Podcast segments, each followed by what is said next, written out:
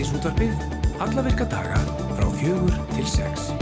Og það eru Rafnildur Haldóstóttir og Guðrundi Semistóttir sem að stýra þetta í dagsins. Ríflega 30.000 konum sem að tóku þátt í rannsókninni áfallasaga Kvenna árunum 2018-19 býst nú að taka þátt í eftir fylgda rannsókn með því að svara nýjum spurningalista um áföll, lífstíl og heilsufar.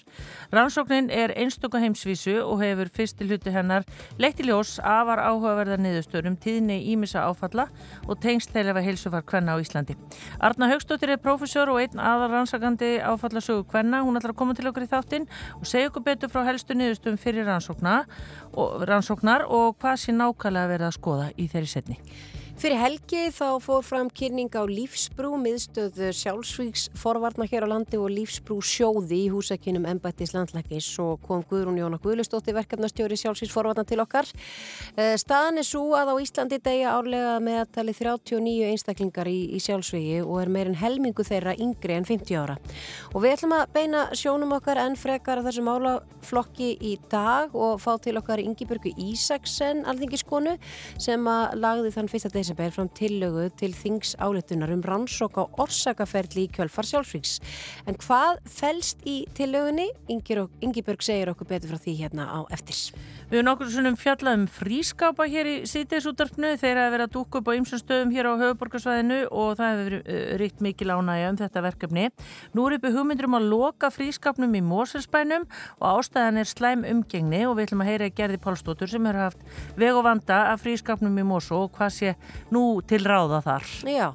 Grindvikingar, þeir fóru heim til sín í dag til þess að sækja eitthvað af eigum sínum, leiðinda veður og færðsetti stryk í reikningin hjá einhverjum og við ætlum að heyra á eftir í, í honum Páli Val Bjössinni uh, en hann er eitt þeirra sem að ætla að freysta þess að komast heim og þegar ég heyrði honum snem í morgun þá var það allavega stöfnusgráni og við ætlum bara að fá fréttir af því hvernig hafi gengið. Einmitt og svo rákum við augun í það að verslunarkeðan Lindex hefur settast að verkefnið gefðu það áfram og með þessu verkefni er Lindex að taka næsta skref í átt að sjálfbærni. Og nú býst viðskiptafinni þeirra að koma með gömul barnafödd frá þeim í verslanir og fá fyrir það innlegsnótu. Þessi nótuðu född munur séðan uh, eh, fara áfram til viðskiptafinna, verslunum mun semst selja það áfram til þeirra sem kjósa að kaupa notað en ekki nýtt. Og við ætlum að fara forvittnast um tilur þessa verkefni svo eftir og heyra í Alberti Þór Magnúsinni hann er umbúsali Lindes á Íslandi. En við ætlum að byrja á veðrinu og veðurspáni það hefur verið leiðinda veður uh, viða í dag, jæljagangur og slittuél uh, sem aftur gerir það verkum að færðin hefur verið óskaplega svona, já bara leiðinleg. Það er allavega rennandi blöytt hér til að mynda á höfuborgarsvæðinu en á línu hjá okkur Ólið Þór Átnarsson veðurfræðingur hjá Veðurstof Íslands. Kontur sæl og blessaður? Komið sælar. Já, segð þú okkur, það er búið að ganga á ímsu í veðrinu upp á síkastið. Er þetta bara að fara að vera svona áfram? Um, já og nei. Það er hérna, þetta er nú að vera búið svona þetta litla skot sem kom inn í morgun með, með nokkru plussgráðum og, og svona slitturigningu. Þannig að hérna síðan förum páum við núna aftur Jælegang, eða það er byrjað að koma jælegangur hérna vestastalandinu og það er svo smá saman yfir, yfir í dag og í nótt, eh, eða í kvöld og nótt. Síðan verður þetta svipað á morgun og, og miðugudagurinn svona áþekkur, hann verður líklega vestanstæðar í vindurinn en, og svo er hérna læð sem ætlar að hrella normenn á fymtudag, hún mun aðeins nuttast utan í Austjólandi líka á leiðinni hérna framhjá, þannig að síðan á fymtudagar hins vegar að, að þá er nú að sjá að, að hlýni ofurlíti meira enn í dag og það mun endast svona fram á kannski miðandag og föstdag og þá fáum við aftur einhverja smá svona söðvestanátt og jél en síðan er aftur um helgin að stefn lítur út fyrir alltaf að fara í norðanátt og, og þá herðir frost og, og úrkoman verður bundin við norðanvertlandi í staðin. Mm, þetta kallast umleipingar, eða ekki? Já, þannig að maður myndi kalla það fyrir eitthvað svona kannski um, í kaldara lægi umhleypingar. Það eru sko það, svona þessar hefðbundu gamlu góðu sem maður er vanari sko, það er þetta svona einn hlýlag sem fer með ægilega gusu og læti yfir og svo kemur eitthvað kaldara strax í kjölfarið en þessi náðu eiginlega sko ekki rétt að skrýða svona í 2, 3, 4 gráðar sem bestlétt. Já, þannig að það verður áfram þá bara hvít jörð en þetta verður bara ímist á, uh, já, hún verður annarkot hörð eða þá bara svona rennandi blöyt eins og hún er núna. Já, ég held sko, þetta munur styrna í nótt sko, þessi skél sem eru ofan á snjónum núna og það að mörgulegt kannski ágætt vegna þess að ef þetta hefði ekki blotnað þessu þá náttúrulega um leið að fyrir að blása eitthvað meira þá, þá færi snjórin á stað þetta bindur hann það myndast náttúrulega skél ofan á þannig að það allavega skefur allavega ekki svona alveg á lálendi og innanbæir þannig að Þannig að það er svo sem, það er kannski það jákvæða við þetta, að maður átaka eitthvað jákvæðt út fyrir þessu. Já, svo voru fréttir af því að það hefðu tíu eldingar mælst í eldingakerfi hjá veðustofunni. Uh, er það einhver sérstök skilir sem skapa það? Hvað er þarna ferðinni? Já, eru, það eru nú orðan aðeins fleiri, sko, máli er að við erum með, sko, gamla kerfið var með, sko, fyrst með tíu þarna rétt um hátdegispilið og svo fjölgaðum upp í 16, en svo er nýtt kerfið sem bara er verið að reyna að pota og koma á, á í rekstur og það namn hins vegar að slatta meira heldur en það. Þannig að ég hugsaði að séu sjálfsagt einhverstaðar yfir 30 sem hafa verið núna síðan í morgun. Mm. En ekkert uh, alvarlegt eða neitt slíkt? Nei, nei, nei, ég er allavega ekki heyrt af neinu. Helmingurinn af þeim er allavega líklega um það byrj helmingurinn er sko svona sunna við land þannig að ekkert langt sunna við en samt út á sjó þannig það tröfla nú ekkert. Um, ég hef ekkert heyrt sko flestar eru hérna helliseiði, bláfjöll á því svæði. Já. og þetta raunverulega er í raun bara fylgi, fylgi fisku þess þegar þessi skilabakki er að fara hérna yfir að það myndast oft, það er mjög kallt loft í hálóftunum sem kemur á eftir þessu og, og það er eiginlega sko hýtamunurum frá yfirborði og þarna upp sem að gerir þessar aðstæður mjög físilegar til þess að mynda eldingar. Að hérna þær aðstæður voru fyrir hendi í dag þannig að þannig að það náðu að gera nokkrar. Og Erlendi þykir þetta nú eiginlega valla að kalla þetta eldinga við við, við erum bara svo óvörðum að þeim, þetta þykir bara stórt tíðindi þegar koma nokkra hérna. Já. En sem sagt áfram svona e, ekki, já, eitthvað sem væri mögulegt að kalla umleipingar en samt í, í, ekki alveg og áfram næstu daga og fyrst og fremst bara fólk að fara vallega eða ekki? Jú, jú, það er núna núna þegar að styrna sko eins og veginnir eru meira minna auðir hérna á höfuborgarsvæðinu og það er náttúrulega sko, sko skólast saltið af þannig að það þegar að kólnar með kvöldinu þá verður bísna hálft og þannig að þeir þurfa smá tíma að koma saltið á aftur til að losa hálkuna þannig að hérna, eins og sé, núna er akkurat núna er að ganga þetta ágitt að jél hérna yfir þannig að, þannig að það verður orðið svona einhver krabbi á vegum þegar að líður á kvöldið. Mm -hmm. Þannig að það er bara um að gera kvettja og það er náttúrulega virist vera sko með að við hafa verið í umfyrir undanfarn daga það er ennþá leiðilega margir sem er á lélögum dekkjum. Já, alveg ótrúlega. Það og það er hérna sittja fastir á ólíklegustu stöðum þar sem að flesti svona þokkalega skóaðir bílar fara auðvitað. Já. Þannig að það er kannski að reyna bara að skilja þá bíla eftir heima ef að, ef að, ef að þetta ætlar að verða svona. Já, ég held að þetta séu fín loka orð. Óli Þór Átnarsson, veðurfrængur á Veðurstofu Íslands, bara takk fyrir þetta. Hálítið. Já, þetta með sko bílana, ég hugsaði bara hérna á leðinu heima á förstu daginn úr umferðinni eða fymtu daginn. Já, já. Bara hvað er í gangi? En voru bara að spóla á jæfslettu og... Svo þetta til aðsá fólki líka, við erum að fara aðeins rólega.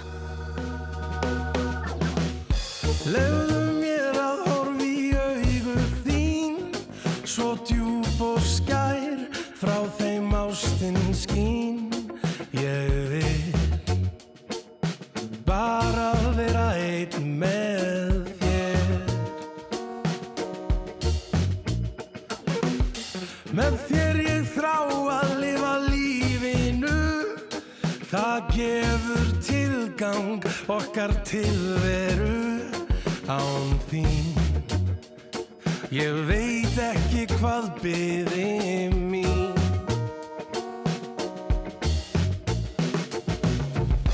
Ef þú hverfur mun ég leita þín. Um veröld alla því þú erst mín. Þú veist að þú getur á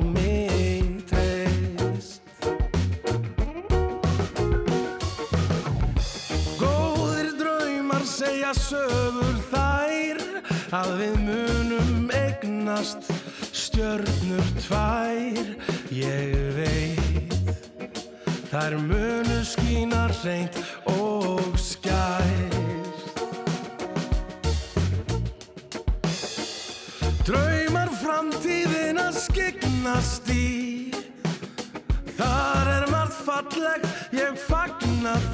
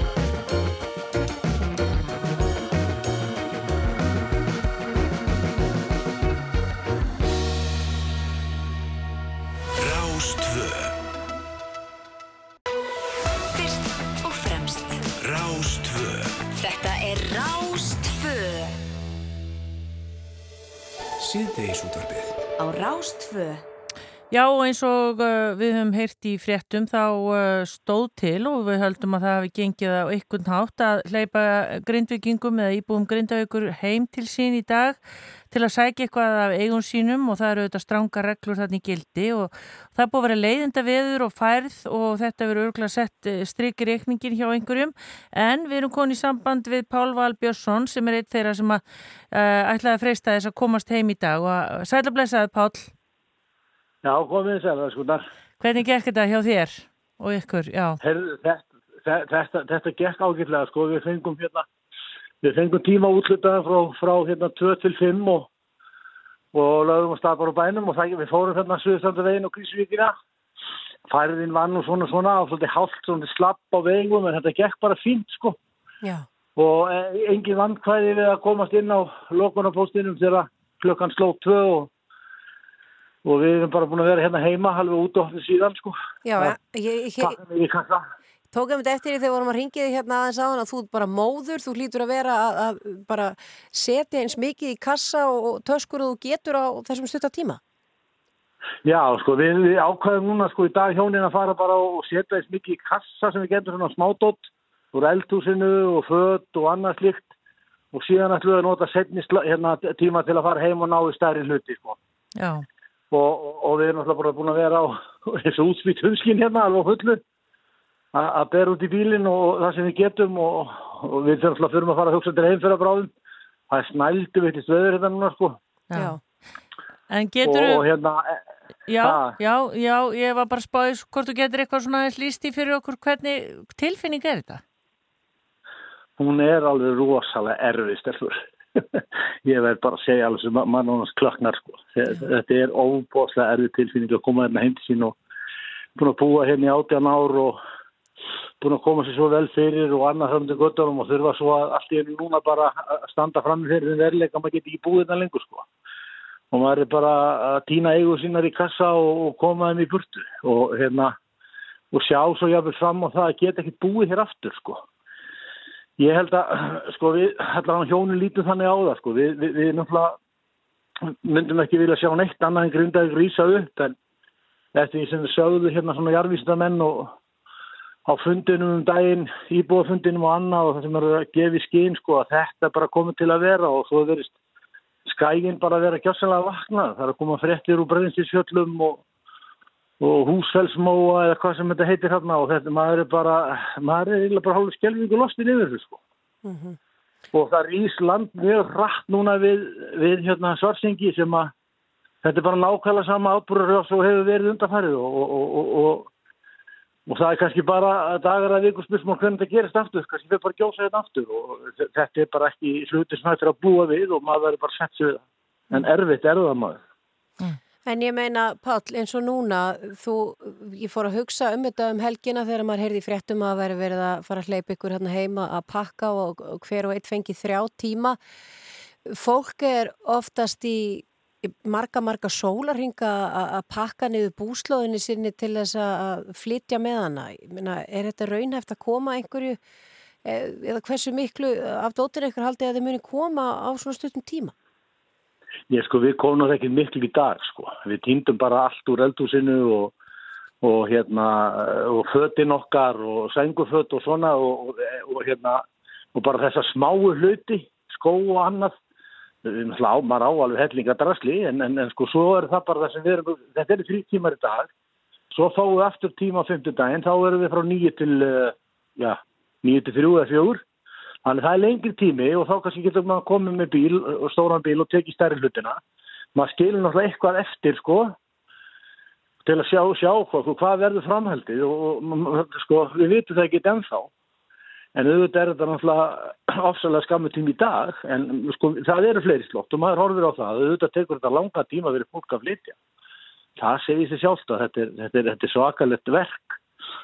En, en hérna, en svona er þetta bara og maður stendur frammi fyrir þessum veruleika að, að gera þetta svona og þeir vilja takmarka tíman hérna inni og það hefur aldrei farið fyrir brjósti á mörgum að þeir vilja takmarka tíma okkar íbúi hérna inni og, og, og, sem, og hafa okkur sem styrst og vissulega er þeir náttúrulega bara með velferð okkar í huga en, en, en þetta er náttúrulega valdið miklum óróa og ílskum jafnvel í fólki sko, sem að bara skilur ekki okkur að vera að hleypa í bláalónið og vinna með stórtæka vinnuvela hérna inn í bænum og, og hleypa svo ekki fólki inn sko.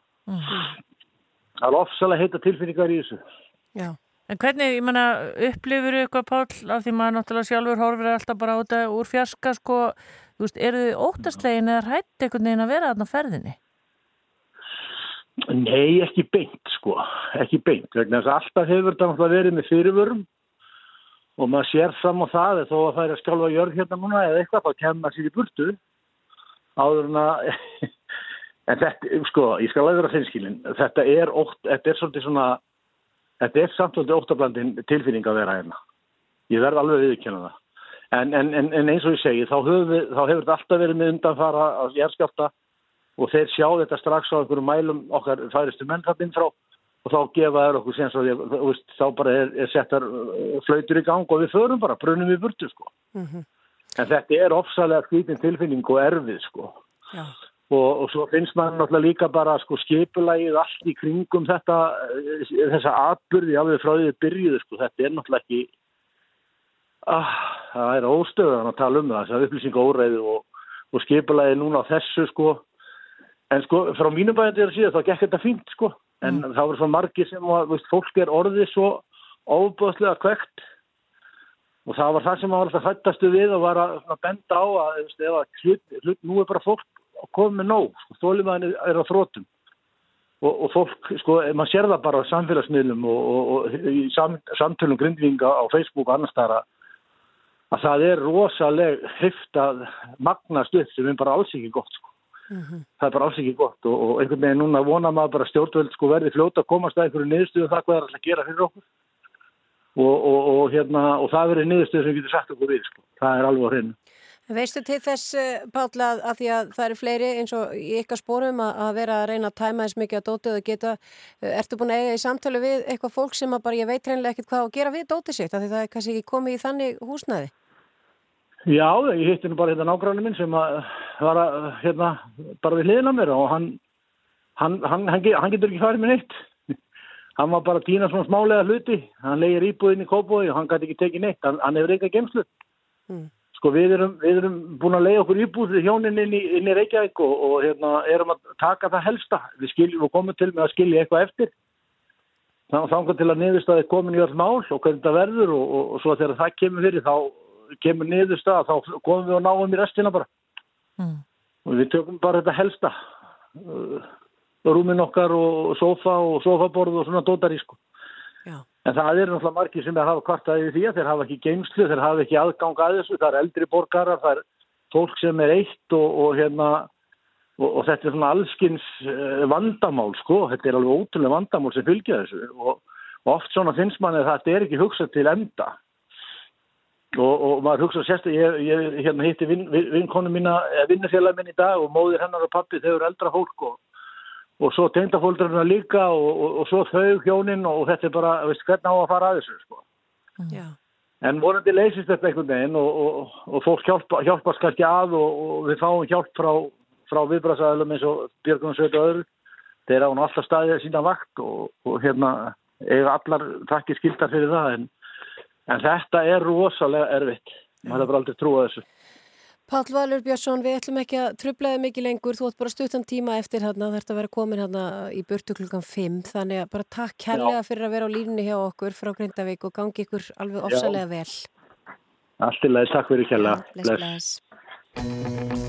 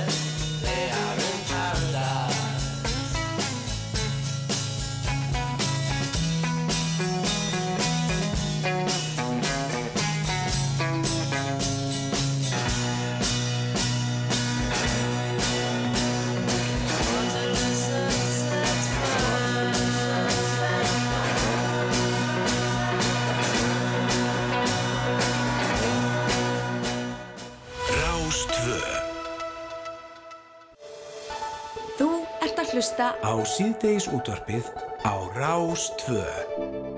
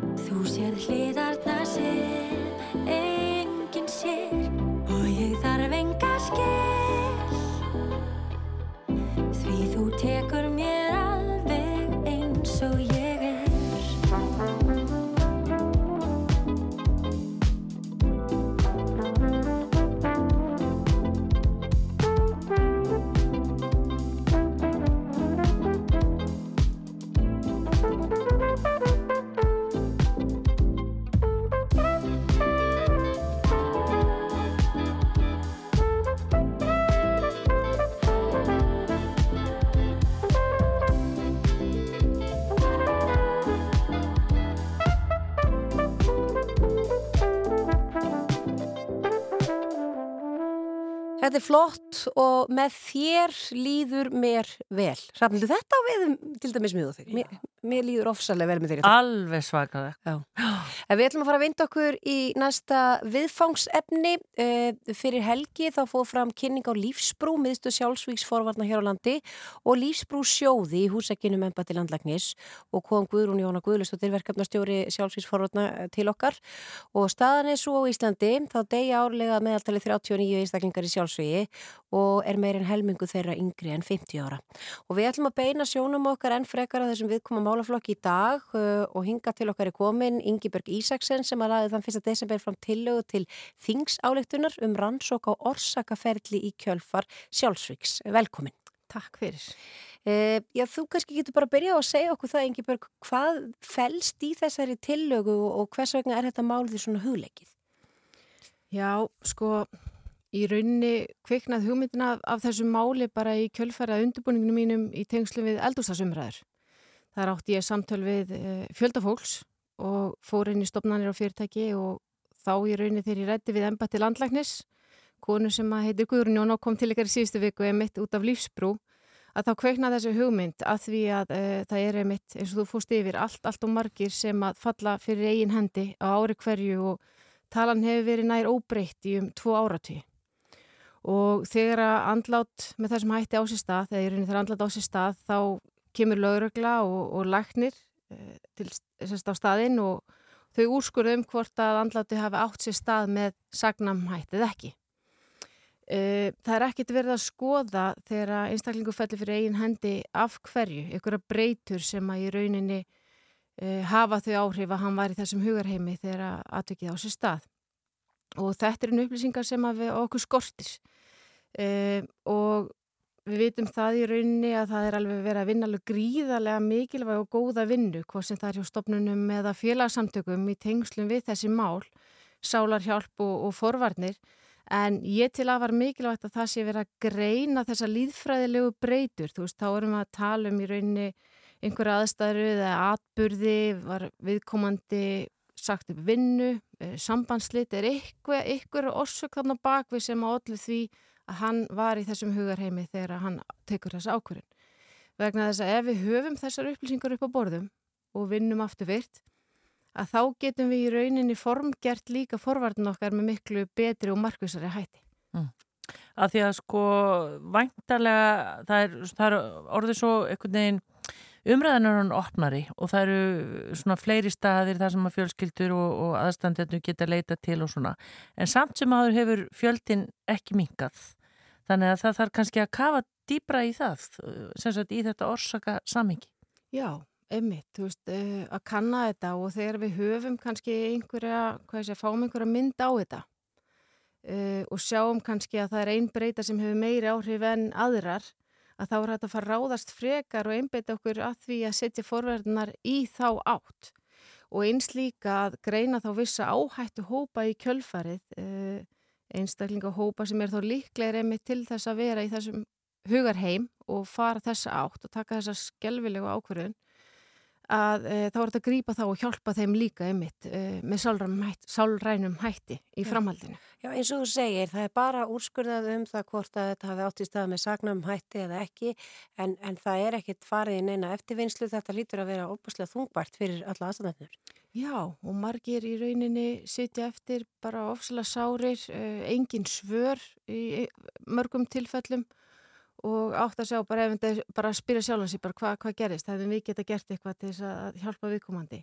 Þannig ég held líka að þetta geti hjálpað einmitt uh, þeim sem eftir sitja að fá einhvers konar svör í framhaldinu uh, hvaða var sem að allir því að, að viðkomandi ákvað að taka þessa ákvarðin uh -huh. Hvað hva gerist núna? Þú leggur þetta fram fyrsta desember, þessa þings álugtuna til og hvað hva gerist svo?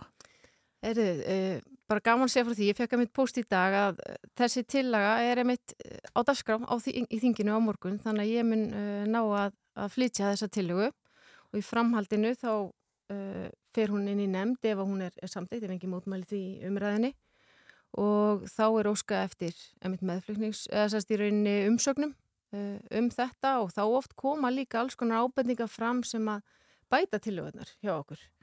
Eitthvað sem að má gæta betur að eða eitthvað sem kemur ekki fram sem að þyrta að bæta í og síðan ef að velgengur að þá fer þetta aftur fyrir þingið og þetta þarf einmitt uh, að fara í tværum umræður áður en að þetta verður að lögum og fyrir atkvækjarsli. Mm -hmm. Þarf ekki að setja bara enn meiri fjármunni í þennan málaflokk?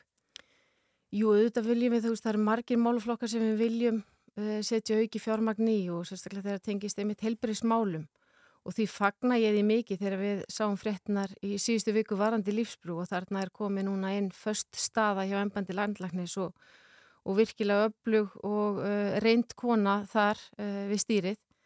Uh, þannig að ég held einmitt að, að, að því ég vann þessa tilögum meðal annars með henni og högna að þetta stýður við þá vinnu og væri mjög, mjög gott ef hún næði fram að ganga. En þarna, jú, ég held að við viljum alltaf fá fjármunni inn í, inn í þennan málaflokk og sérstaklega varandi þetta verkefni vegna þess að þetta skiptir svo miklu máli og hefur áhrif á svo marga einstaklinga því að e, ég held að allþjóð heilbreyðstofnunin hafi gefið það út einmitt að eh, eitt sjálfsvík hefur áhrif á 135 einstaklinga í kringu, þú veist, kring og, og þetta er svo Þetta er svo stórt og viðamikið og þetta er, þetta er erfitt og þetta er viðkvæmt málefni og þarf í rauninni að að nálgast á þann hátt og það er rauninni getur verið erfitt að tala um þetta. Þetta snertir marga einstaklinga í dag og bara það þegar ég emitt skrifa þessa greina ég hef fengið gífileg viðbröð í tengslu við hana og simringingar og tölvuposta frá einstaklingu sem að emitt hafa mistið eitthvað nákominn og, og segja það emitt allir sjálfur að bara ef við hefum fengið einhverja skýringar þá gætum við að aðeins skilið viðkomandi örlíti betur. Já. Mhm. Það verður áhugavert að fylgjast með þessum framgangi en við bara hónaðum besta og bara óskuðir góðs gengis með þetta. Já, takk fyrir. Takk fyrir að bjóða mér. Fylgstu með Rástfö á samfélagsmiðlum. Flettu upp Rástfö á Facebook. Rástfö. Fyrst og fremst.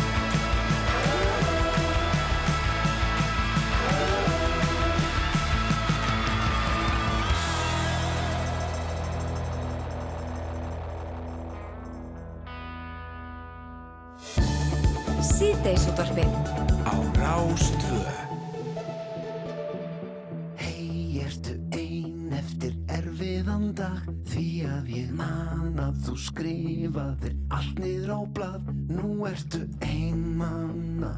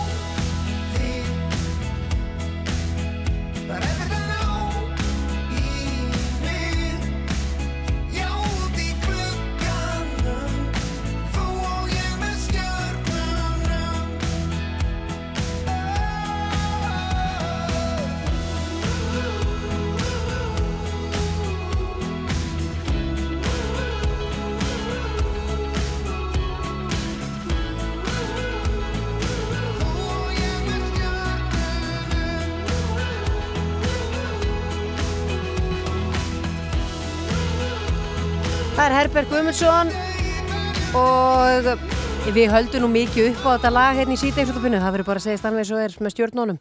Já, ég, það er það er ákveðin ástæði fyrir því, ég held að við erum bara einhvern veginn, já, hvort að við, frumflutta það ekki, er það ekki? Það hlýtur að vera. Já, það er allavega á einhverjar taugar í okkur hérna. Já. Herðu, en hérna, hann var nú hjá okkur hér á förstæðin, hann Sóli Holm, og hann tala við hann um Liverpool og ég hef aldrei, við þekkjum hann nú bara mjög vel hér í sítiðisúttorfnu, en hann var í alvörunni bara slegin hérna, út af hérna, stjóraskiptunum framundan. Já, Klopp að þetta. Og svo fórum við aðeins að spyrja út í kallina, vissi hann allt um að að fæða hvað hann er gamall og allt þetta bara og, og þekkti þetta út og inn. Nú er þeir að segja hérna á uh, MBL að miðaverð á leiki Liverpool ríkur upp. Ú. Þannig að þetta var alls konar, ég heldur að við unni 50, ég fylgist ekki ve vel með fótballta, en þeir unnu leiki gær, Mm. Með held ég 5-2 og ekki spyrja mig hverju voru keppa við, en allavega, þetta hefur oft svona áhrif, þegar búið að taka svona ákvörðun, þá annarkvæmt hrinur allt, en allavega það er miðaverðið upp og hérna, það er spurning hvað það, hérna, ver, verður lengi þannig. Og Liverpool uh, aðdáðandur í áfalli. Já, það er sérst eftirspurnin hefur aukist tölvert. Já. Það er kannski menna að sjá leikin alltaf meðan að klopp er. Eðlilega, þú vilt geta sagt, ég fór á leik þegar á Klopp var stjóri. Já. Að því svo veit maður ekkit hvað tekur við og hvernig þetta verður í kjölfarið, hvort það komi þá svona hrina af einhverjum tableikjum eða hvort að þetta haldi áfram að fara upp. Og ég held að sé erfitt að halda áfram að fara upp því þetta búið að ganga alveg æfintirlega vel. Einmitt. En ég hjá eftir í áðan þegar við töluðum með hann Óla eh, á viðstofinni að hann var að tala um það að það væri lægð, eh, jú, hann sagði held ég, einhver leiðinda við að koma til Norris á fymtudaginn og það myndi nutta sér upp fyrir austfyrði en, en það er búið að vera vittlust veður í Noregi í gæra og í dag. Já, það er hérna uh, bara dýr vittlust veður hérna og þannig að það er hérna mitt viðtal við einhverja, sem- einhverja íslenska ferðalanga hérna þannig að já, það er, það er spurning hvort ég vona við bara þetta standi sem hann Óli sagði við okkur við fáum bara lítinn hluta af þessu hérna til Íslands. Já, ég las ekki stöður í gæri einmitt að það ætti að vera þannig óveður í, í þarna dag að það voru einhverju bæir að fara að fá 40 metra á sekundu og annars líkt og það er held ég ekkert ofsalega algengt þarna. Á þess að ég sé einhver sérfræðingur í veðrinu í Noregi, þannig hef ég nú ekki komið því miður. Nei. En, já, einmitt, það er hérna skemmtileg grein hérna á MBL uh, um uh, íslenskan sjómann sem er að reyna að koma sér heim og uh, það er búið að taka hann tvo daga og hann þurfti þetta sér gistingu, eina gistingin uh, sem var laus af því að okkur blöskra nú oft verð á gistingu hér í, í, í Reykjavík í það minnsta og á Íslandi, bara hótelum á Íslandi. Það var bara til herbergi uh, að upphæð 183.000 Já, En, einmitt. en það var líka sko, ég held að það hef ekki verið venilegt hótelherbergi, heldur var það svona íshellir, eitthvað svona sem að ferðamönu þykir spennandi en hún þótti það nú ekki spennandi held ég og hann er að býða, hann var á einhverju byðlista að komast á, á venjulegt hótel eins og maður myndi orða það. Já, og svo eru auðvitað viðtöl hérna í, á miðlunum við grindvikinga sem hafa fengið að fara heim í dag og sem eru nú hvart að kóðin hafi verið lengi að koma, einhver leifiskóði sem þau fá sendan og svona ímislegt en það er kannski rétt að árita það ef að fólk hefur tök á að geta bóðið fram eitthvað geimslu húsnæði eða, eða hjálp við að flytja hluti Mm -hmm. og þá kannski hérna, þyrfti nú að bæta því inn í Facebook-hópin til hjálpar eh, grindvikingum Aðstóði eða grindvikingum. aðstóð, já Já, að hérna, Það er eru kannski sumir sem eru ekki þess bærir að bera sjálfur einhverja stóra hluti út úr íbúðunum sínum. nei, hann er við hvetið til þess ef að einhverju geta lagt hönd á pló. En það s- styttist í fréttir klukkan 5 og frétta yfirlit og svo ætlum við að halda áfram hér meðal hans að tala um áfallasögu kvenna. og frískáp og uh, já, ég voru að segja svona umhverfis áttak í eina stórveslunum landsins. Já.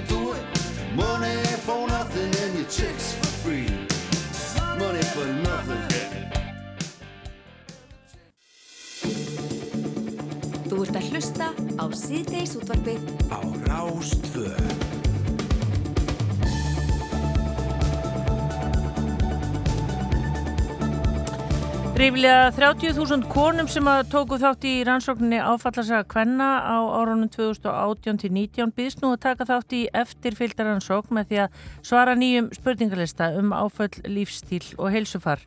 Og rannsóknin er einstöku heimsvísu og hefur fyrsti hluti hennar leitt í ljós afar áhugaverðari neðustöður um tíðni ímissa áfalla og tengsl þeirra við heilsufar kvenna á Íslandi.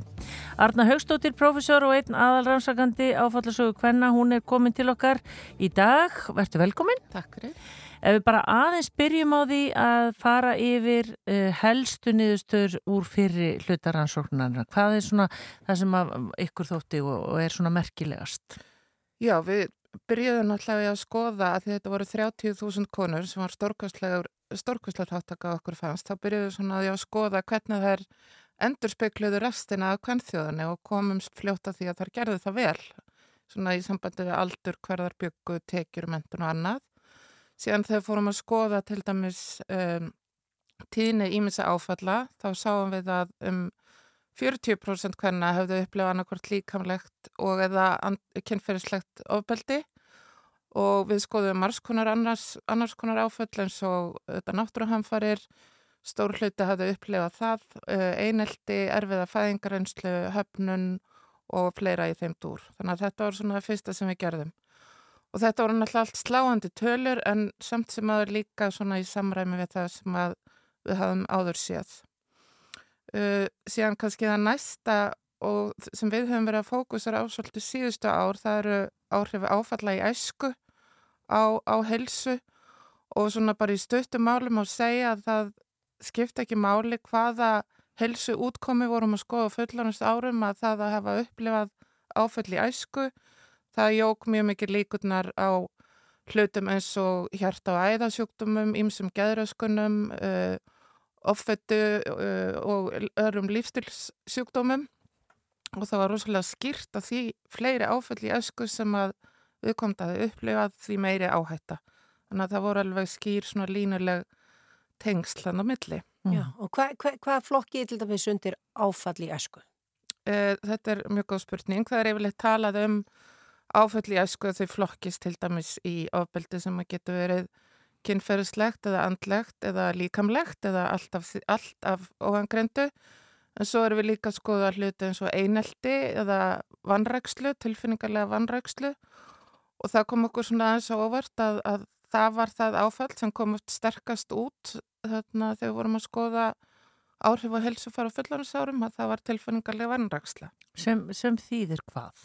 Sem þýðir til dæmis að er, er skilið eftir eitt á ekki nákomin fullorðin sem það getur leita til, upplifir að það hef ekki, því hef ekki verið synd tilfinningarlega sína æsku og orðið náttúrulega gefur í, svona gefur aðeins í skina þetta er eitthvað sem ásver staði við langan tíma, jáfnvel stóran hluta eða, eða alla æskuna, þannig að þetta er svona Þetta er mjög sterkur áhrifatháttur, erum við að sjá. Ummitt. Nú eru þið semst að senda þessum sömu konum, er það ekki? Jú. Þennan, hérna, þennan áframhaldandi hluta eða, mm. já, og, og hver er munurinn? Eða hvað eru þið þá að fara að skoða núna?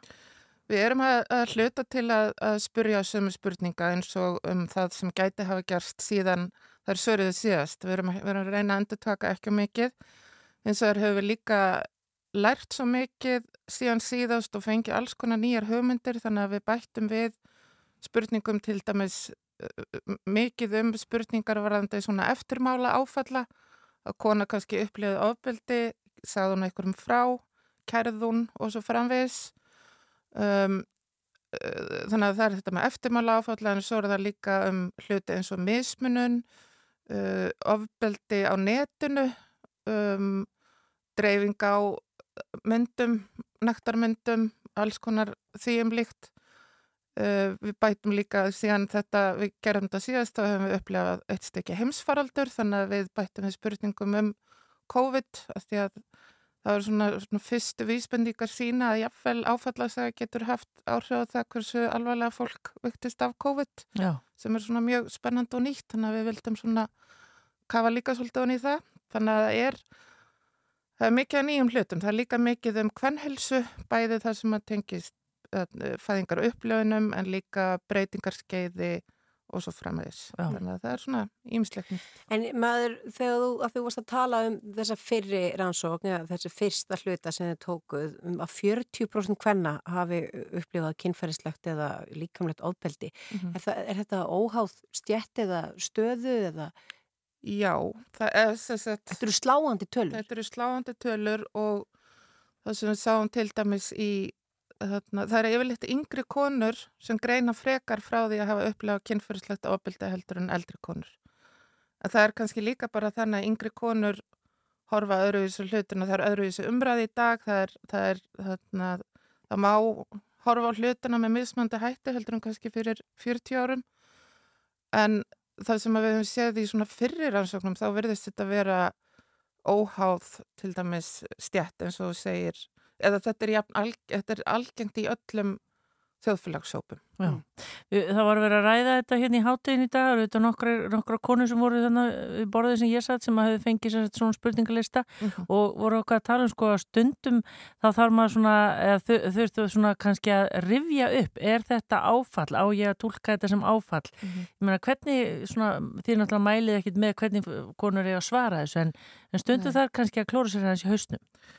heldur betur og ég held að það sé bara mjög sniðut að gefa sér bara góðan tíma og gefa sér þessa stund að svara þessu þetta er líka svona leið til að hugsa inn á við og, og þannig en við reyndum að gera allar, þar, allar spurningarna þannig að garði að þetta væri ekki háð mati heldur gerðist þetta eða ekki uh, til dæmis um kynferðislega áreitni kom einhver þannig við þig að þú vildir ekki að hann væri að koma þannig við, við þig ekki hefur orðið fyrir kynferðislega áreitni sem Já. er alltaf svona mat hefur þeir verið nöðgað skiljiði þannig að það skiptir rosalega miklu máli hvernig maður nálgast þessar spurningar til þess að fá inn svona þetta eins hlutlust mat og hægtir Já, þannig að þetta eru beinskipta spurningar. Þetta eru, já, það er sem sagt til þess að það er séu ekki háðar mati eða, eða einhverju slíku. Já, þessi rannsóknir auðvitað var ekki mikla aðtikli alveg á, og er einstöngum sem ég nefndi hérna upp af heimsvísu. Af hverju? Er ekki búið að skoða þetta mikið? Það hefur náttúrulega verið að aukast mjög mikið og þarna, við unnur samstarfskona mín sem að stóðum fyrir þessari rannsókn og stöndum fyrir ásamt okkur samstarfsfólki. Við höfum verið að rannsaka áhrif áfalla í 20 eitthvað ár, okkur bráðans þegar fórum að reikna þetta saman, en þá var ekki verið að skoða þetta mikið. Um, þetta þótti svona smá eh, léttmeti að það væri verið að skoða hvort áföll hefði ykkur áhrif á heilsu, en ég myndi segja síðustu tíu ár, fimm ár, er þetta breytt. En rannsóknin okkar er kannski einstök og hún nær til þriðjungs kvennþjóðar og sem söruðu þarna mjög umfangsmiklum spurningalista og ég veit ekki um neina aðra rannsókn svona stóra í heiminum sem að leggur bara áherslu á áföll og helsu. Alltaf til fullt af flottum og stórum rannsóknum í heiminum og þetta er svona okkar, okkar vingill. Já, en er, hvað er, þú veist, það koma auðvitað niðurstöður og þetta nýtist alls í alls konar, en ég meina, nýtist þetta til dæmis í bara að, að konu geti fyrir leita sér meðferðar eða aðstóðar við einhverjum kvillum eða hvernig er einhver tenging þarna? Já, við viljum með þessari rannsókn, við viljum skilja hverjir, hv- því að flest verður við fyrir einhvers konar áfællum í lífinu og það verður í lægi með flest okkar en fyrir stóran hóp að fólki þá verður ekki lægi. Þannig að við viljum svona skilja betur með hvaða hóp verður ekki lægi með þannig að það sé hægt að beina þeim frekar fyrr að aðstóð og yngrypum sem Já. þarf náttúrulega stóra auka ábæta um, alls konar aðgengi að yngrypum og öðru en það er svona fyrsta mál á dagskráði okkur að skilja þennan mun hvernig við getum greipið fyrir inn eins og þú segir og fyrir hverjir þurfa aðstóð fyrr og hverjir þurfa það ekki. Myndur þú segja, því að núna eru þið að fara, segi, það er áframhald, þetta er svona eftirfylgdar hansókn og vantarlega konur að, sem að tóku áður þátt beðnar um að taka vel í þetta, að Mhm. halda áfram að taka þátt. Mm Mhm. Þyrfti ekki að gera svona rannsókn síðan bara aftur eftir tíu ár, þá er komið fullt af Jú. öðrum konum sem kannski voru of ungar til þess að sjá munin á kynsluðum. Jú, algjörlega og okkur langar einmitt mjög mikið bara á næstuna að ekki eftir tíu ár heldur fyrr en það að, að ná inn þessum konum sem höfðu ekki tækifæri til að taka þátt að þeirra voru gjörna á gamlar en líka bara þeim sem hefðu viljað taka þátt áður þannig að við getum aftur bóðið inn í nýja þáttöku og við vonumst til að geta gert það svona næstum vinsurum en svo verður bara áfalla að segja hvenna í gangi reglulega áfram. Þetta er langtíma rannsókn sem við erum bara byggja upp. Já, hvena má búast við niðurstöðum úr þessum setni hluta? E... Með auðvort mjög bjart sín.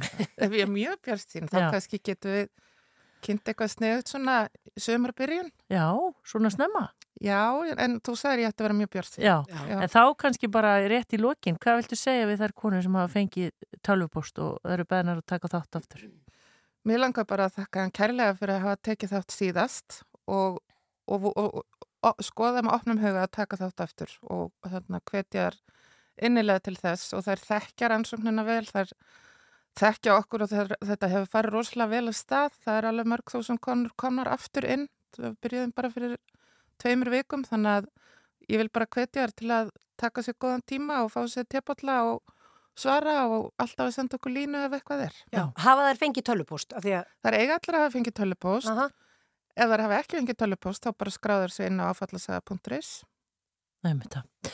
Verður áhugavert að fylgjast með þessu eins og sé Bjart sín, þá er það í sumar, annars er það bara hausti verður, það, koma allavega niðurstöður. Arna Haugstóttir, professor og einn að, aðal rannsakandi í áfallasögu hvenna.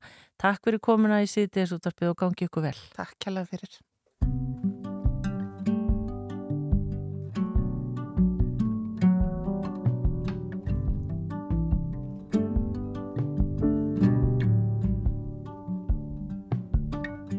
I miss my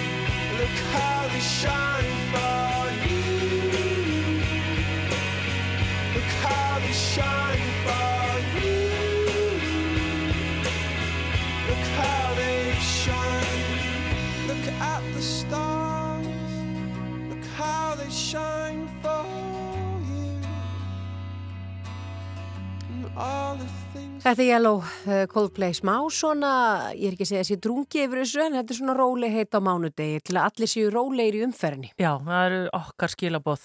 En við hér í sítiðsúttorfnu, við erum fjallað nokkur sinnum um frískápa og þetta frábæra verkefni sem að uh, þeim fylgir og þeir eru náttúrulega búin að dúka upp uh, í, á, hér á höfuborgarsveðinu og sennilega einhverstaðar út á landi líka. En nú sáum við frétt í dag að það eru uppi hugmyndur um að loka frískápnum í Mósesbænum og ástæðan er slæm umgengni og við erum náttúrulega spenntar að fylgjast með þessu og, hún er komin á línna, hún Gerður Pálsdóttir sem er einu af þeim sem að hefur haft veg og vanda og svona umsjón með þessum frískáp. Kontur sælu blessuð? Já, sælu blessuð. Hæ, hæ. Þetta eru nú ekki nógu góða fréttir og hvað er nú menna, er, er hérna, er þetta meira, meira, meira eða minna svona einhver fýblagangur eða hvað? Ég er rosalega, við erum svolítið hægt um það, já. Því miður, bara svona einhver, hérna, einhverjir svona krakkar eða, já, ég veit ekki, ég, já, við, maður veit ekki náttúrulega nákvæmlega hvað er í gangi, en það er, hefur ekki verið nógu góð umgengni því miður og við erum rosalega bara sára svegt yfir því Já, í. En, þetta hefur ekki komið upp annar staðar að hafi þurft að loka, sko. Nei, en, en svona fram að þessum tíma, hvernig er búið að ganga og hvar er frískápurinn?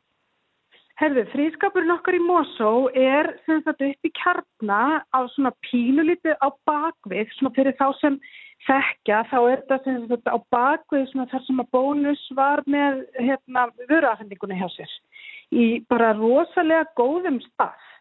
En þetta er svona, já, hann er svona pínufalinn en, en, en samt ekki, sko, það er alveg, hérna, fólk að ganga hérna framhjá og allt svo leiðis. Og það hefur gengið svakalega vel. Ég verðum bara samt að segja það, þó þetta sé að koma upp núna.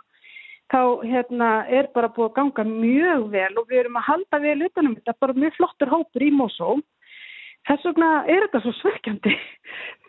Já, einmitt. En hvað hérna, og er þetta bara, ég meina, þið, vitið það náttúrulega ekki, það er ekki eftirlitsmyndavilar og svona, en... Nei, við megum náttúrulega ekki að vera með neina myndavila, sko. Það Nei. er bara því miður. Já, En það eru einhverjir að fara í skápin og taka mat og henda bara út um allt og ég vil, þú veist, það er mjög mikið verið að setja inn súpur í krukkum og það er verið að leika sér að taka kannski krukkurnar og brjóta þær og þá er þetta náttúrulega orðið hættilegt af því þá eru klerbrot út um allt og erfitt núna fyrir að það er snjór og svona þannig að En ég hef nú bara fulla trú að því að við náum að, að hérna, ná góðum tökum á þessu ástandi sem er í gangi akkurat núna. Já. Já, en er þetta ekki bara einhverjir krakkavitlesingar sem eru að gera þetta og er þá ekki laga nú verði allir foreldrar í, í Mosó að spyrja Jú. börnir að Jú. þessu? Jú, við, sko ég einmitt hérna sá bara eitt kennari í Mosó sem að setja inn fæslu þegar þetta svona fóra stað sem að einmitt hefur verið að nýta skápin og verið að setja með krökkunum inn í skápin, er ágang heimilsfræð og svona og sá kennari segist verið að taka umræðina með börnunum. Ég ætla að setja mig í samband við skólastjórana í kring og hvetja þá líka til að taka umræðina með sínum nemyndum eða hvetja kennaruna til þess og bara allir fóreldra líka, þú veist, ef þetta eru krakkar, ég ætla náttúrulega heldur ekkert að fara að gefa mér það, Nei, að þetta séu krakkar, maður veit það ekkert, af því við erum ekkert að vakta allan sólaringin. nei, en væri hægt gerður að, að flytja frískapin á kannski einhvern stað sem að er svona meiri umferð, eða hvað? Ég held að það sé ekki málið. Ég hérna, held að þá færum við bara eiginlega vandamálið með. Ég held að það sé ekki málið að færa skápin. Nei. Og þetta er náttúrulega líka bara fólk að fara að vita hvað hann er og að vera að fara að færa hann sko. Ég vil allavega ekki gera það alveg strax. Við hérna sjáum aðeins til hvað gerist og kannski líka bara með þessari umræðu, mér finnst náttúrulega bara líka gott að fá umræðina og hérna út í þjóðfélagið og þá kannski hérna fyrir fólk að hugsa sko, þú veist, þetta skipt máli. Já, einmitt. Og þið eru með þarna Facebook síðu þar sem hægt er að láta Já. vita bara hvernig gengur og Já. kannski þeir sem er að nota skápina, annarkvæmt að senda myndir ef, að, ef ekki bara vona það að þetta fara allt vel. Jú og ég mun að þetta er samfélagsverkefni þannig að þó að við séum hérna einhver hópur að sjá um skápin þá er öllum velkomið bæði að setja í skápin, nýta skápin, þrýfa í kringum hann og þetta á við um allstar, alla skáparna sem við erum með, út um allt. Já. Að það er ekki einhver eitt sem á að sjá um þrýfin eða sjá um að, hérna, auðvitað um að gera snippa í okkur sem erum umsýna fólk, sko.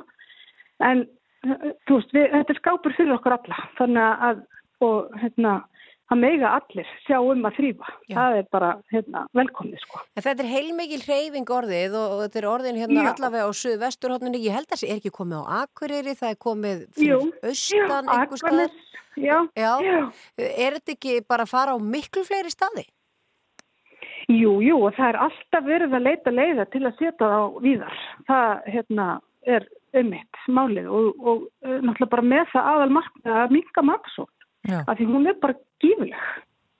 Og, og fyrirtækin í kringum okkur eru svo velviljug líka. Þú veist, við, hérna, Netto hefur, er alveg bara með mjög flotta stefni í þessu málum og við erum með bakari í, í samning, samstarfi og, og, hérna, og þetta líka vekur bara hérna, fyrirtækin til umhugsan um framleiðsluna hjá sér. Það kannski þarf ekki að framleiða svona rosalega mikið mat. Nei, einmitt það. Við fylgjumst með, gerður, við bara höfum fulla trú á okkur Íslendingum að við bara, þetta hefur verið lítið grín og nú sé það bara búið.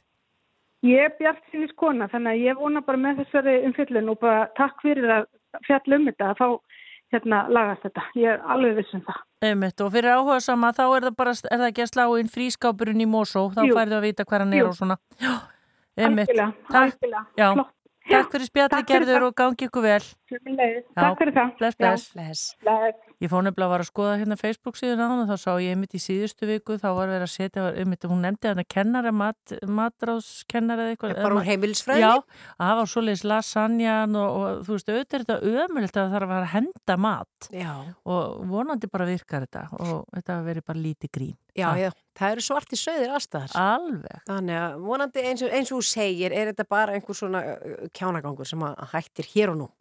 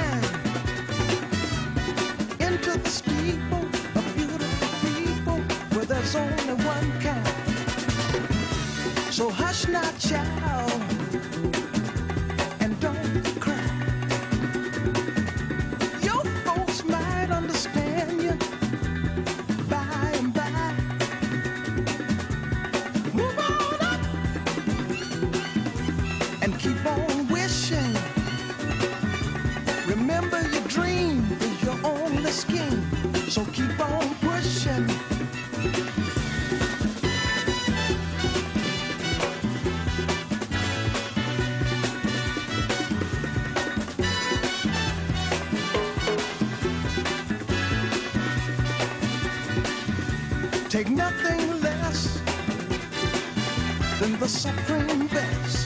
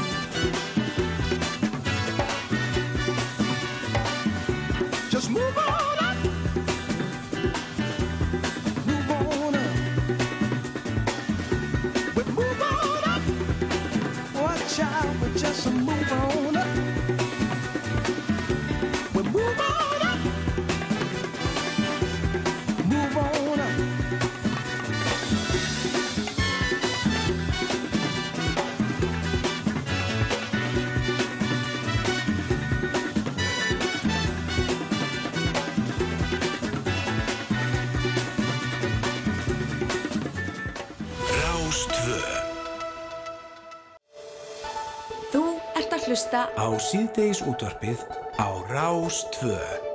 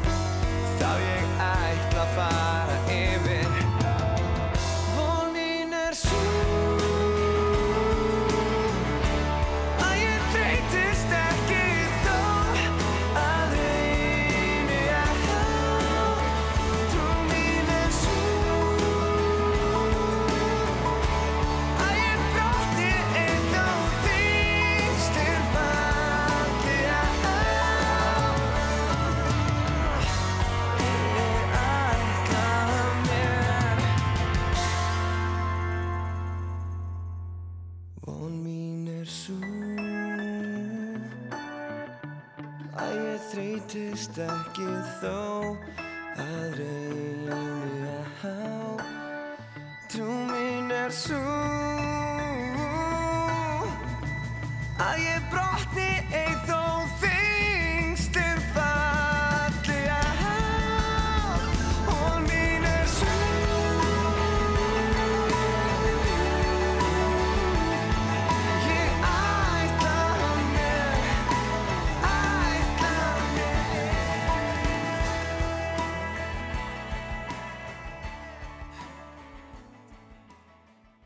Þetta eru Land og Sinir og lag sem að heitir Von mín er sú en uh, við ætlum að fara að fjalla um allt annað rafnildur því að við rákum augun í það að Vestlunarkeðan Lindex uh, hefur sett að staða verkefni Gefðu það áfram og með þessu verkefni þá er Lindex að taka næsta skref í átt að sjálfbærni og við erum komið mann á línuna sem að getur sagt okkur miklu meira um þetta. Hann heitir Albert Þór Magnússon og er umbúsaðali Lindex á, á Íslandi. Kondur sæll og blessaður Albert.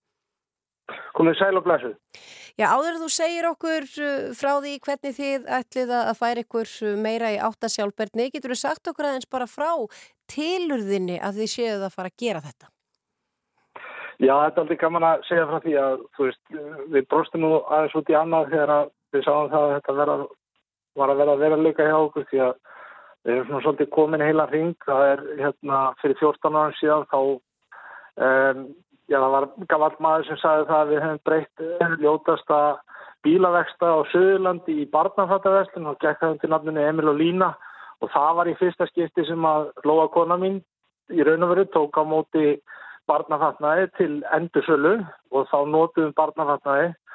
Og síðan auðvitað hérna, hefur margt gerst, margt vatn runni til sjávar og, og núna 14 árum síðar þá erum við að kynna enn á ný og gefa viðskiptaðunum okkar möguleika á því að gera slítið saman. Það er að segja að, að taka á móti eh, barnafatnaði sem að það hefur það notað og, og getur það fengið greitt fyrir það notað í vestlunum okkar og um leið gefið öðrum tækifæri til þess að nýta fatnaðin fyrir sig og sína. Þannig að þetta er, jú, þetta er, þetta, þetta ásér hérna langa sögu og það má segja í raun og veru, þú veist, við erum hluti af þetta stærri held sem að er auðvitað, við erum umbúrsaðalega fyrir Lindex og Lindex hefur haft, haft veg og vanda því að í raun og veru að stilla uh, verkefninu upp, gefðu áfram er, er í raun og veru nokkuð sem við skoðum fyrir svona, já, þegar við vorum svona rétt byrjað að ferðast eftir heimsfaraldur, þá var einn fyrsta ferð okkar til þess að fara að skoða verslun sem að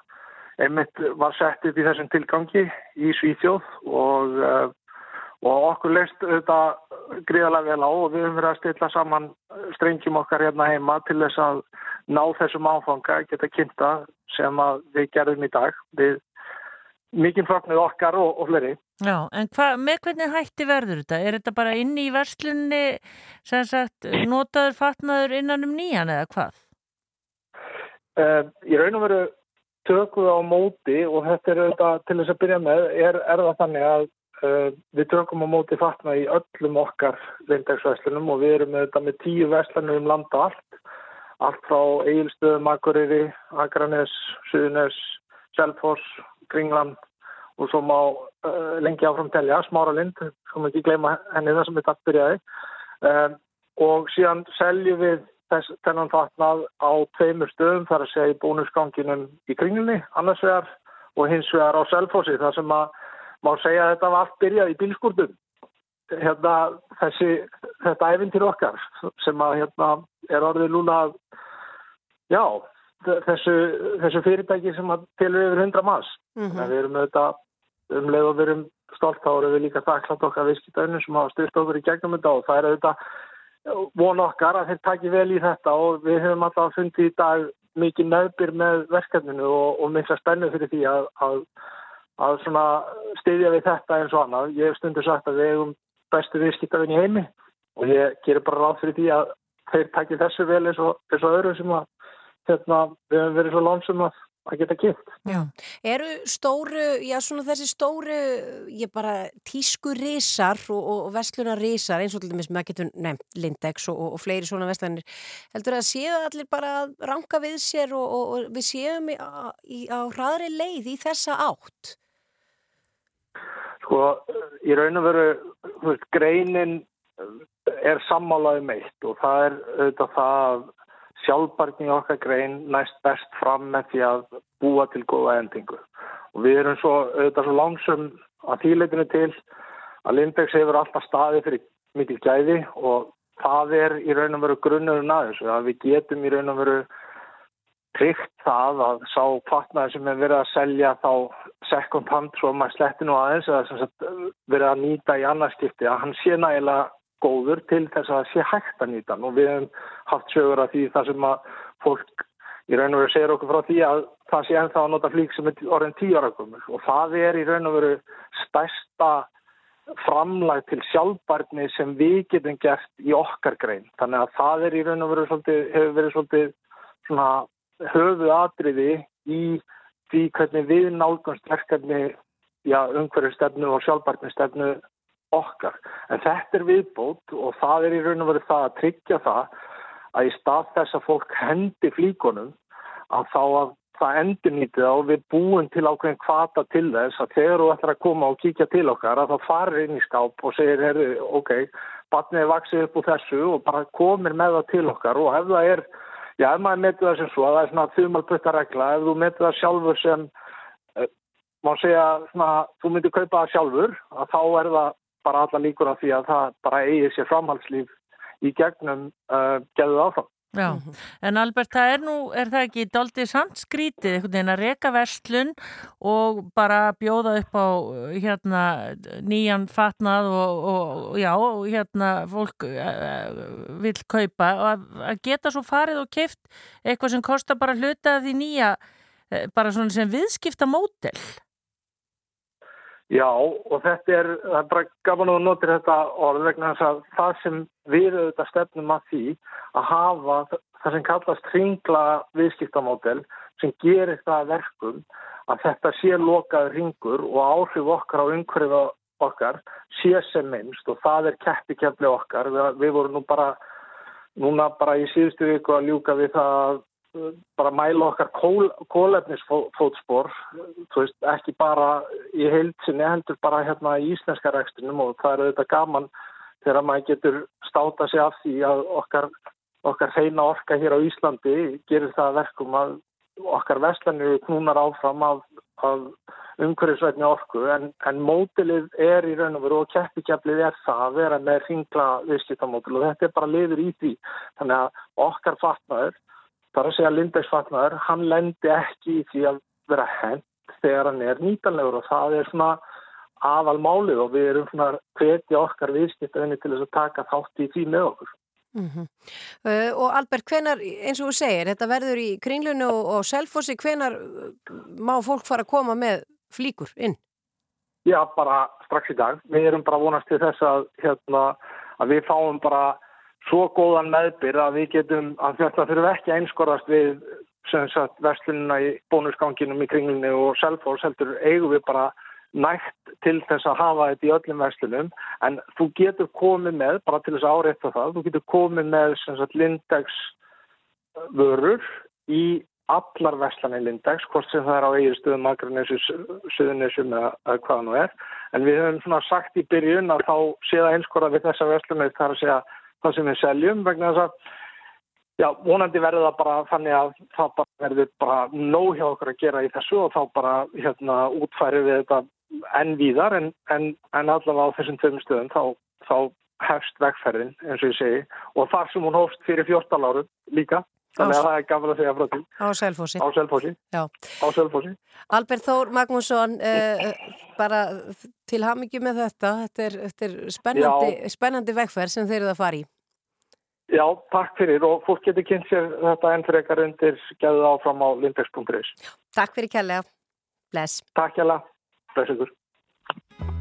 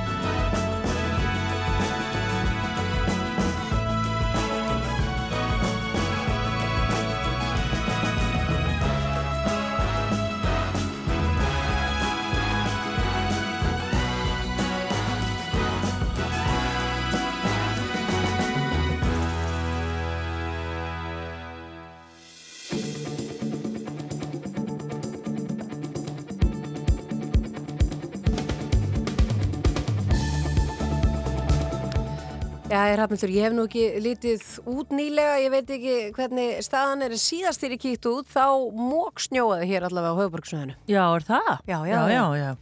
En hérna, það er um, allavega hægt, ég var, að því ég var svo heppin í gerð, ég fór á hérna skíðasvæði hérna í Árbænum, það eru tvær skíðaleftur í Reykjavík, bæði Árbæ og Gravarvogi Mhm. og það eru báðar, ég sá, kíkti svo inn og þau eru með Facebook síðu og það eru báðar opna núna og það er svo sem bara, ef að fólk vil ekki það, það er allavega, það er lokað í bláfyllum. Svo eru hérna eh, einstaklingar sem eru að búa til gönguskíðaspor, eh, bæði heiðmörk og hérna upp á hérna Holmsheiði, bara að sínu eigin frumkvæði. Þannig að fólk er duglegt að nota þó að þetta sé eh, hérna kafsnjór Já. að nýta þetta og eitthvað nátt sko. Já, það er náttúrulega ekkit uh, skemmtilega en að fara bara svona út og gera eitthvað svona. Gera eitthvað skemmtilegt. En þetta er nú líka svolítið tími að því það er leiðinda veður og svo við töluðum með hann þann og hann var að, ræða allt saman við okkur svona svolítið, það verður svolítið köplótt veðrið þessa vikuna. Já, hann vildi ekki meina þetta að vera umhleypingar. Þannig ég, ég ætlaði að slá um með þetta í veðurfræðinni. Var þetta ekki bloti? bloti? Já, það segir Einar Sveinbjörnsson, það er bloti í þetta. Þetta er nú svona ekta veður síðan til þess að einmitt liggja og hlusta annarkot á, podcast eða hlusta á útvarpið eða horfa á sjónvarpið og kannski ef við rennum að þessi við það silfriðir í kvöld á rúf Já. og það er vettvangudagsins og Trump Já, og fjallað um Trump hann var náttúrulega að fá ægilegan dóm á sig og Já, já, er, þetta er, hann ætla samt að vera fósitt í bandaríkjana þannig Hmm. þetta er hérna og svo er eitthvað þáttur sem heitir valdatafl. Ég er ekki búin að vera nógu duglega að vera í svona línulegri dagskrá en það er alveg heilmart og mikið þessi norræn í dag núna en maður fyrir inn á rúfiðin. Það er svo mikið hérna skemmtilegu áhugaverði sem hættir að horfa á þarna. Það eru frábæra myndir. Ég er líka búin að leikja þess að þetta er ekta tími til þess að leikja upp í sofa og horfa. Ég mæli með nýjustu seríunum sem var að byrtast á Netflix sem heitir Griselda. Já. Þetta Það er, hljómar eitthvað svona eins og þessi teiknumind. Það er það ekki. já, eins og Gura Grís eitthvað þannig. Nei, þetta er ekki teiknumind. Þetta er hérna Sofía Vergara sem leikur þetta og hún er þarna svo lítil uh, eitulifja drottning í, í, Bandaríkjónum. Árið 1978. Gríselda. Já, Já, já. og henni, hún er breytt í útliti að því að Sofía Vergara er náttúrulega bara einn fallegsta koni í heimi Mhm. hún er ennþá hugguleg þótt þessi búið að vera svona aðeins að gera hana grófari í andlitinu og hún er uh, frábær í þessu hlutverki Já, þessu mælir Gunnardís með í dag. En við ætlum bara að kveðja ykkur og uh, enda þetta á fínu lægi með hvað, Hjálmum og Prins Pólo. Já, þetta heitir grillið inn uh, ég held að sé ekki úr vegi að ef að þú ert ekki búin að setja grillið inn þá þurfum við að gera það allavega núna fyrir köflóta verið í vikunni Takk fyrir að hlusta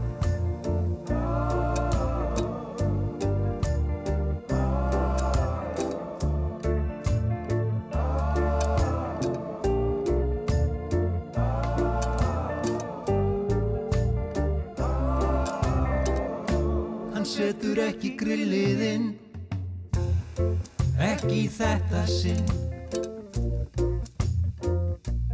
Fyrir veturinn. Hann setur ekki grillið inn Þó úti blási vindurinn. Geskurinn. Hann setur ekki grillið inn í dimman bílskúrin höfðingin því alltaf gæti sólar glenna. Sett strikið sitt í reikningin og eftir stæði grillarinn